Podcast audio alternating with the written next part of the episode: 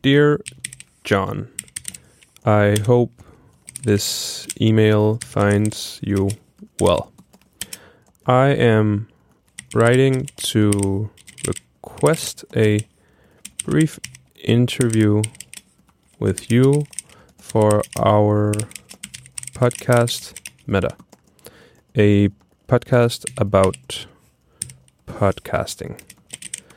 I would love to discuss and learn the art of storytelling with you.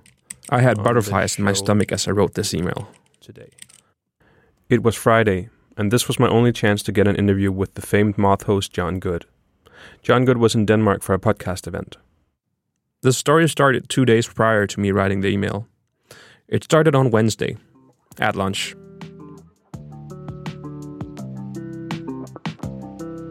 At lunch in the podcasting office at hearHEAR, my podcast colleagues were talking about the festival Copenhagen Docs and their announced podcast shows.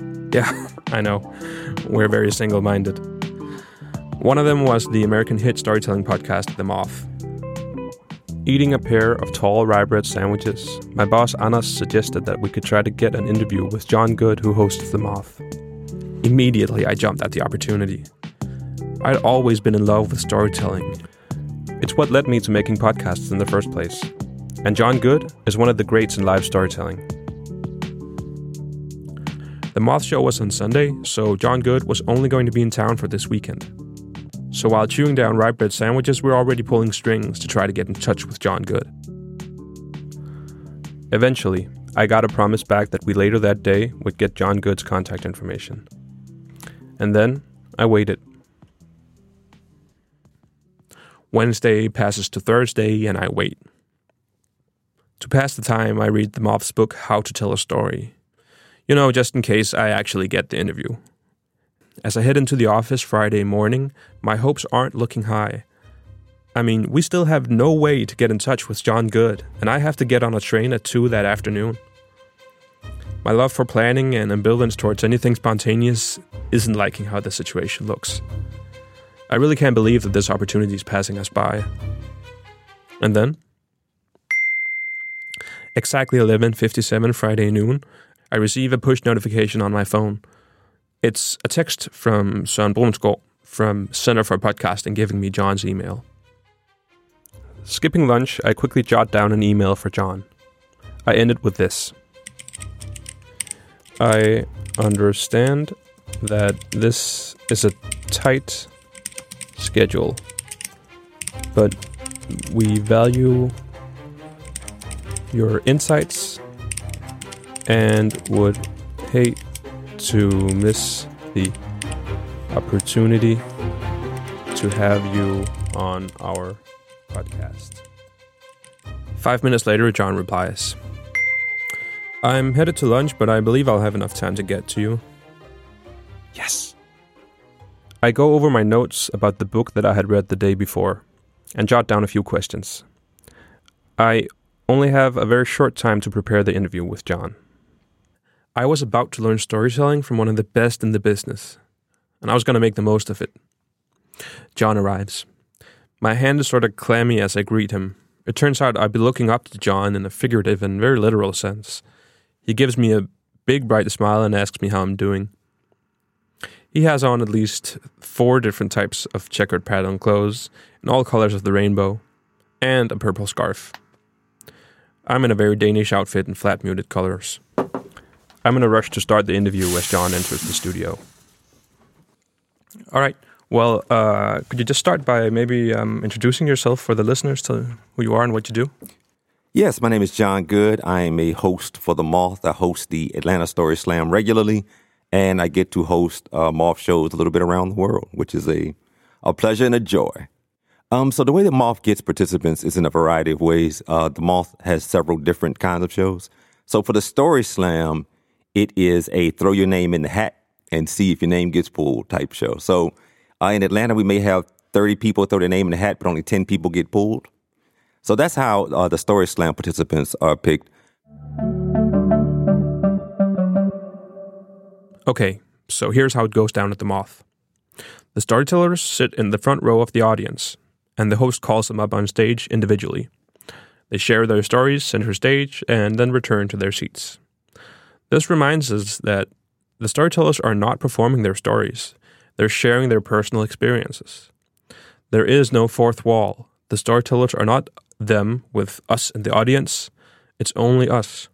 We're all together. Anyone in the audience could be telling a story. For the uh, main stage shows, the big shows, uh, they find those those participants in a variety of ways. Uh, some come through a pitch line, some some they hear out somewhere, and some come from the story slams, and they work with those people to develop a ten to twelve minute story. And you know the stories are they're complex stories. Uh, some are some are funny, some are um, you know heartbreaking, intense.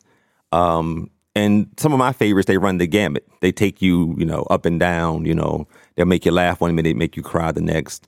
Uh, they they have the the stuff of life in them. You know, life is not one thing. So the stories that are not one thing that take you on like a real run. I love those stories. That's great. Uh, any like uh, particular stories come to mind? Yeah, particular. There there are some particular stories that come to mind when you talk about like complex and great storytelling. Uh, Ruby Cooper has uh, an amazing story. It is about her son. Um, he is born with some disabilities, and it's the story is about him navigating life and her helping him navigate life. That story will make you laugh. It'll make you cry. By the end, you're in love with her and her son. Eight or nine months later, I called Kirk and said, "So, hi, honey. Um, I was just calling to see if there's anything special you wanted for Christmas." And he said, "I want to get laid." I said, "Laid? Laid? Oh my God! That is not a Christmas. Sex is not a Christmas present. Sweaters and games and clothes and shit you don't need. That's Stick around to the end of the credits. We'll share Ruby's heartwarming story from start to finish. Let's get back to the interview where I asked Jon what he thinks most people get wrong about storytelling. the things that people, when it comes to storytelling, the things that people sometimes miss, um, because the live stories, they're not, they're, the live shows are not curated stories. So it's just individuals at home just trying to put it together. So sometimes they just don't know exactly the, like how to tell you a story. So they're just, you know, they've got bits and pieces of things, but it's not really like a story. And so sometimes afterwards they'll ask me and I'll tell them. Some people don't know, like they'll have a very good ending. And so you get five minutes to tell your story. And so they feel like they have to fill the entire five minutes. But really, at about four minutes, it's all, you know, you, you did it. You did it. Good job. And if you would have ended at four minutes, you probably would have won the competition. But then you keep, you know, sometimes they keep going. Um, this one lady, she was delightful. She was telling this story. She was from India, and she was telling this story about being a barefoot brown girl coming out of India.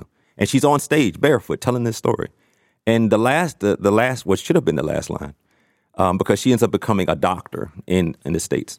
And she says, um, you, no one could imagine how far in life a barefoot brown girl could get. Should have ended it right there. Then she said, but you know, life is, I was like, see, there it is. There it is. And so she, I was like, I think if you'd have ended there, you'd have won, but you got to know where to stop. You Yeah, know, yeah. It's like, it's like the Olympics. You got to nail the dismount. You know, you got to, you got to land that dismount. Because the elements that you describe that make up a great story, at least to you, are are all things that are very like dear to our heart, right? So does that ever like uh, become challenging for some folks? I was in um, Athens, Georgia. A young lady comes on stage and she's shaking like a leaf because she she has this story that's so personal, and she's never done anything like this before. So when she comes up, I see her. She's just she's trembling. So I take her hands and I tell her, I said, everyone here is here to support you. Everyone in this audience wants to see you succeed. All you have to do is tell us your story, and we're going to love you for it. So she told her story. Her story was actually a dedication to her father, who was sitting in the audience. And at the end of her story, um, she just she just dissolves into tears because she's so happy that she did it. And I had her father come up on stage, and we're in a we end up in a big group hug. It, it, it turned into quite the moment. but that's the thing is that if people will lean into the vulnerability, if they uh, allow themselves to be open in this way, um, what lay on the other side for them, the catharsis, the joy, the feeling of accomplishment, it's it's something that's almost indescribable. How do I get better at telling stories, or like what what's the checklist I can go through to make sure that my story is good when I'm sitting at home and I don't have an audience to perform for and and things like this. So could you speak a little bit more to just like um, the elements that go into it? Let me just say one, there's a variety of ways to approach storytelling. Like I've heard it done so many ways. I've heard I heard them they start with a bang, you know, it starts with, you know, you know, um, you know, me and my friends were in the car and it was on fire and then they, they work you back to why they're in the car on fire. You hear the stories, you know, they start off just like an actual typical narrative. You start at the beginning, um, you know, you work to your like climax and you work back down to your conclusion. Um, I think with most storytelling, the thing you want to to really consider is what is this story about, right?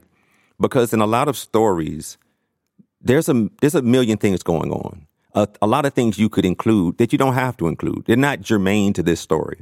I'm not saying you know that absolutely happened, but you don't need it for this story. So you have to know what the story is you're telling. You have to really drill down on that. And then once you know that, then you can actually work within the elements of figuring out, all right, for this story, what do I want to say? Like, how do I want this to move?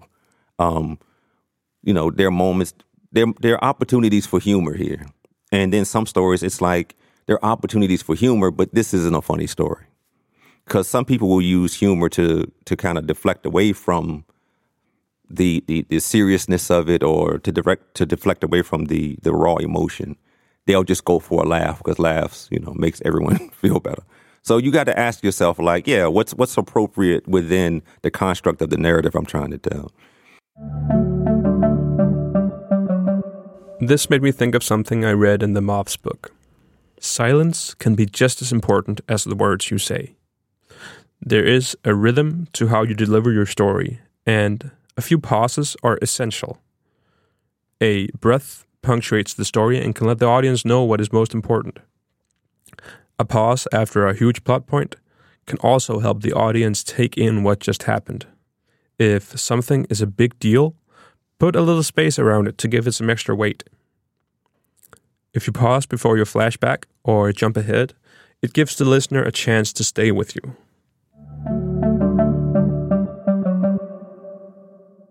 What do you think are some of the considerations like that you have to make when you take this live experience and convert it into a podcast format? The Moth podcast, the Moth Radio Hour, all of it, they're just presenting you with the raw story as told in the room. And when I, I have talked to so many people, they'll be like, when I drive cross country in the United States, they're like, I just listen to the Moth. I just listen to story after story after story for hours. And I just think that's that's an incredible thing because it's, it's, it's it ain't got a beat. You can't dance to it.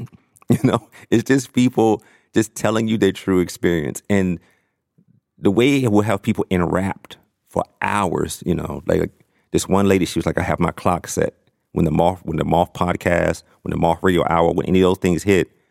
You know, I just listen to them. Like I I move into a world that is sometimes mine, sometimes not mine. You know, a world that I do not know. But no matter what world I visit with the moth, I, I always feel better. You know, I always feel more educated um, for having been there. And as mo- as a lot of people say, they're like, and I wish I could spend, I wish I could have spent more time in that world. Like it's incredible. Yeah, yeah. So that was just what I was thinking. It's like there must be some times where you're wanting to hear from the different parties in the story. Like, oh, I wish right. this guy was here to to like to offer perspective and yeah, things yeah. like that. Yeah, I mean some of the stories, which I, have I've, I've said before, I was like, it would be it would be amazing to have a night where there's a story, and let's say there are two people in the story, and you hear both people tell the story from, you know, their their vantage point, because you know people don't have the same vantage point at all, and if they if they don't get to um, to confer with one another, it would be even interesting to be like, yeah, so we were in a green car, another person like, yeah, so we were in a purple car, you know, because memory is such an interesting thing, the way it the way it changes details and moves things around. It would be interesting to hear two people tell that same story.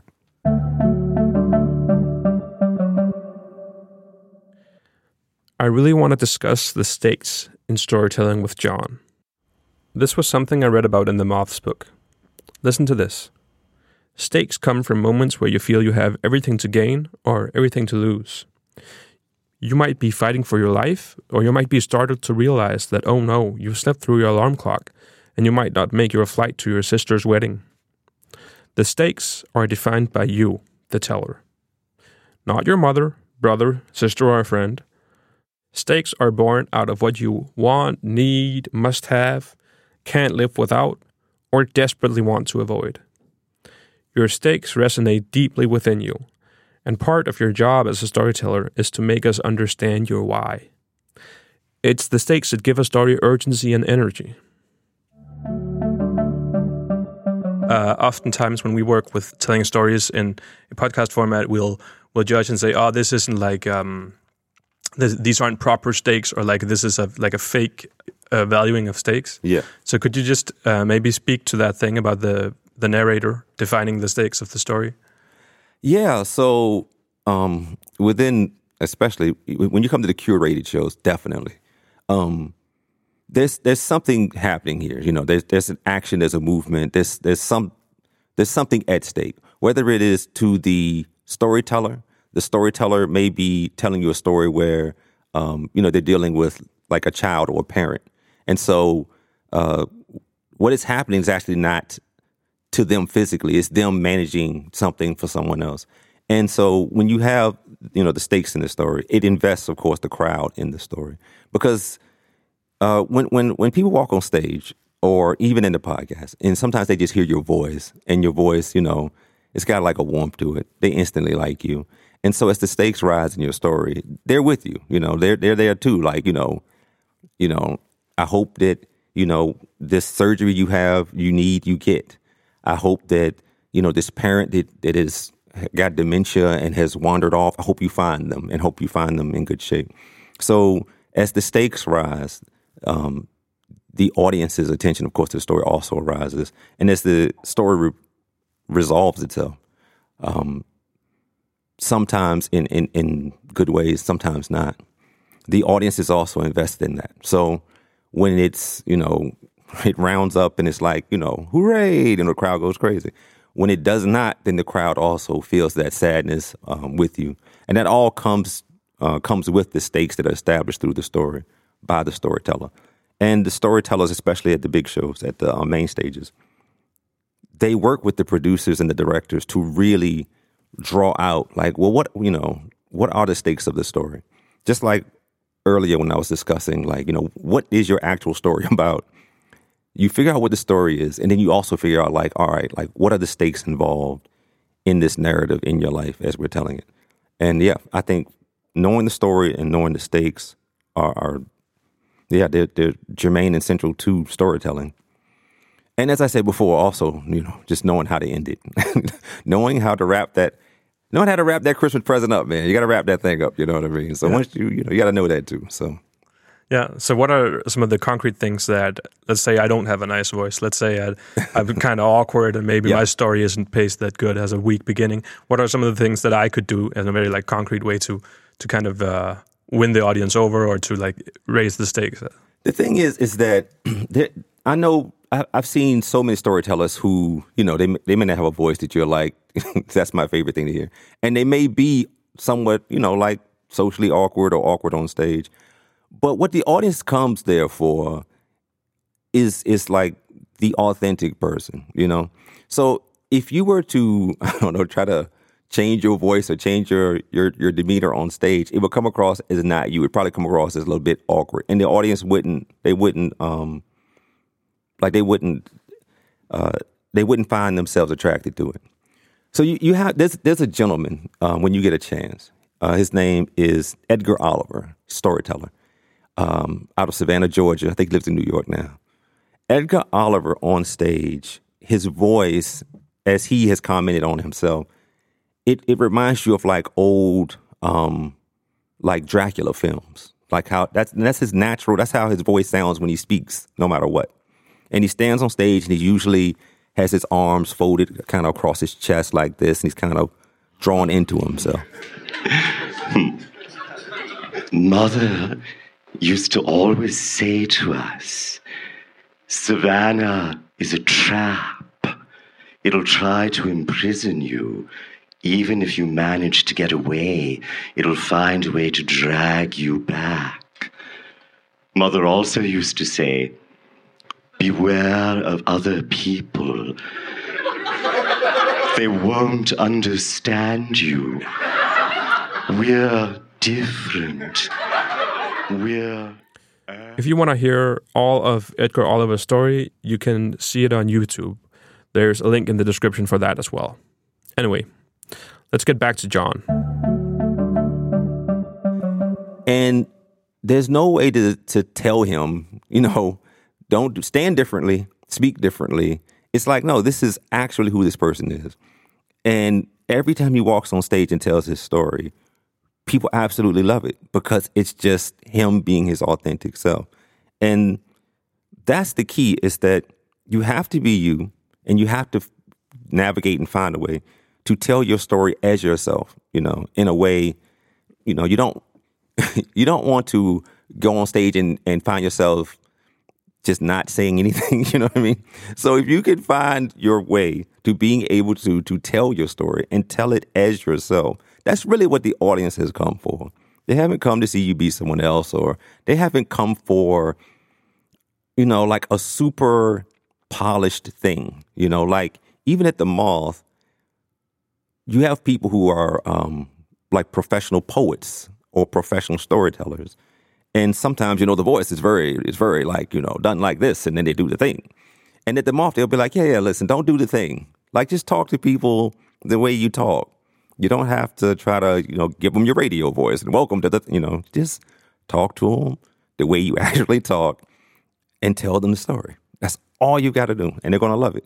Now, with the producers, you know, they definitely work with you on how to craft that story, but they don't work with you to be someone outside of yourself. Like that's not the goal ever. Yeah. All right. Uh, I think we just have time for just a final question, maybe. Um, so, is there anything that, uh, say, like you're a novice storyteller, or maybe you're going back in time and giving advice to yourself? Is there anything you would want to impart, uh, last bits of wisdom before we we end the interview here? So, do you know what the Apollo is? The Apollo Theater in New York City. So, at the Apollo, you know, people come there to boo people. So I'm like, this is the opposite of the Apollo. This is the anti Apollo. So I'm like, this is an event where everyone comes here to like to love you. Like they come here to see you succeed. So when you walk on stage, as much as you hum- humanly possibly can, shed shed the nerves, shed any thought that I don't know they're going to throw tomatoes at you. You know, you can just lose all of this. All this room wants to do is hear you walk on stage as yourself and tell your story. And if you do that, they're just going to absolutely embrace and, and love you. You know, when I first started doing any kind of performance thing, I was just riddled with these, like, I don't know, these nerves. I don't know what I thought was going to happen. I don't know what I thought people were going to do. but none of it, whatever the, the, the, the fear was, none of it ever happened. Every time you walk on, every time I've walked on stage, the audience is just there to embrace you, to love you, to see you through. Even when people forget a line or forget a word, the audience just claps and gives them all the encouragement so that they can find their way back into their story. It's just a love fest. And all you got to do is walk on stage and accept the love. That's great. I think let's end it there. You gotta know when to end the story. You yeah, see, yeah, you gotta know yeah. when to end the story. a strong ending line, also, huh? you gotta know when to end the story. yeah. Thank you so much. Thank Wonderful. You so much. Thank you. I quickly rounded off with Jon, helped him in a cab, and I rushed off to the train station. As I boarded the train, I thought about what stories mean to us, about how sharing stories changes us, about all the things we have in common with storytellers on stage or in a podcast.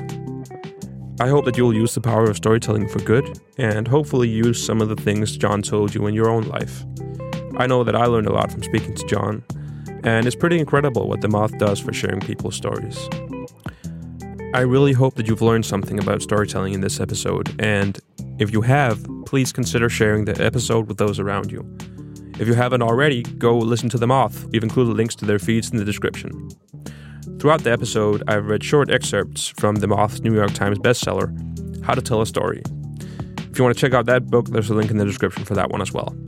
This podcast was written, recorded, produced, and edited by Malte Dueholm. That's me, with assistance from Anders Guldberg and Annette Lilleør from the podcast agency hearHEAR. Music was by Mikkel Juhl, and of course, a very special thanks to Jon Goode for working with us on a crazy schedule. If you've enjoyed this episode of Meta, I hope you'll share it with those around you. And I promise you that we have so many more amazing episodes coming your way, so please do stay tuned. For now, here's Ruby Cooper.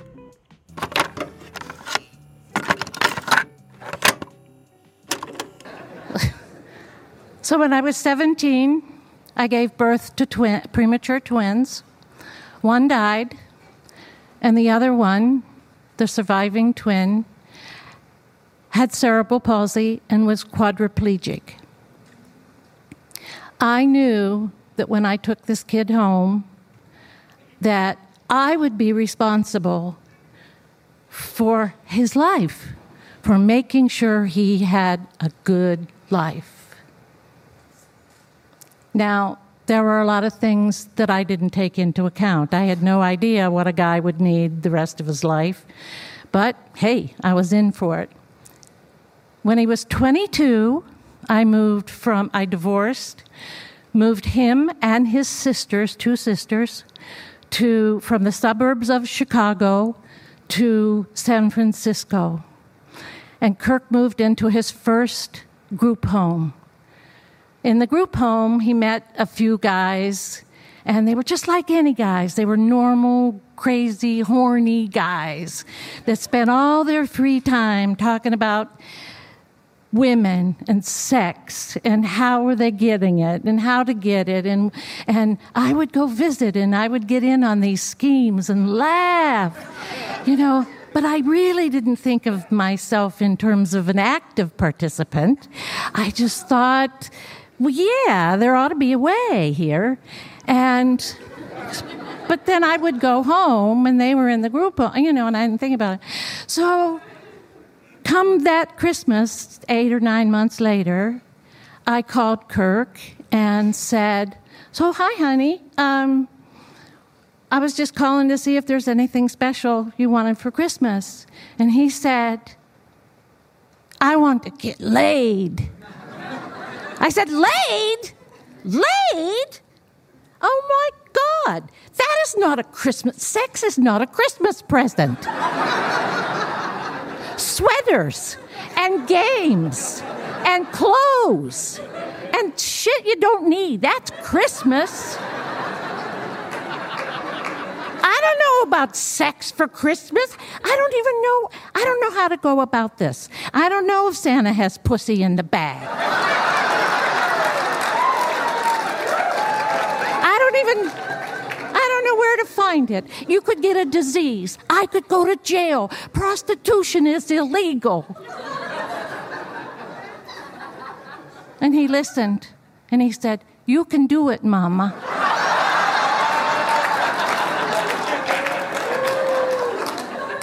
So I asked my friends. They were comedians, they fuck anybody. I said, no one knew a prostitute? That was suspicious. so I asked the people at the bar in San Francisco that I hung out and shot pool, and nobody knew anybody there either. But Jane, the bartender, put a big pickle jar on the bar, the Get Kirk Laid Fund. And she said, He's going to like it, he'll need an escrow fund. So and it did. The jar filled up so fast with paper money you would not believe it, because it was a cause men believe in.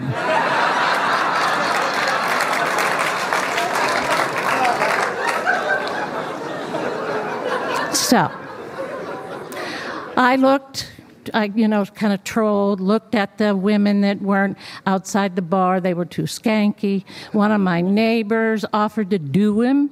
I said, No, thank you. You're too promiscuous. Finally, in desperation, Christmas was getting close. And I called this guy at the Onslow, the manager of the Onslow Hotel in Reno, where I performed, and he said, No problem, bring him up here. I'll take him to the Mustang Ranch. He said, In fact, bring your whole family. We'll make a whole Christmas of it. okay, this is a wonderful thing. So I, we do that. So I say, Hey, Kirk, let's do it. I said, I think we got a deal here. You're going to get laid for Christmas. Ah, he's yelling. And I said, let's call grandma, my mom. She's in her 70s at, the t- at this time in Pennsylvania. And I, we called and I said, so mom, we have to come, you have to come to Reno for Christmas this year. We're not in the city in San Francisco. And she said, Reno, why? And I said, tell her, Kirk. And he goes, I gotta get laid, grandma. and she said, isn't that nice? How much does it cost? I said, I don't know. They don't give quotes over the phone. She said, Well, put me down for 50. So the big day, he takes so they head out to the to the Mustang Ranch. His sisters had gotten him all primped up like he was a bride, smelling the talcum powder and all this stuff, and he was so stiff and and le- heading out in his wheelchair. And a, within an hour, he was back and laying like Gumby in the chair. And I said, Oh my God, it didn't take you very long. He said, She was real nervous. oh, was she now? What was her name? Number four. but I'm going back next month. I said, You are, are you? Yeah. I said, Well, if you get somebody from the gardens to take you there because I'm not going to be around next month. You better make sure that they are Democrat because if you find out, that, if you tell the Republicans that you are you spending your SSI money on pussy, they'll take that shit away from you just like that. Thank you.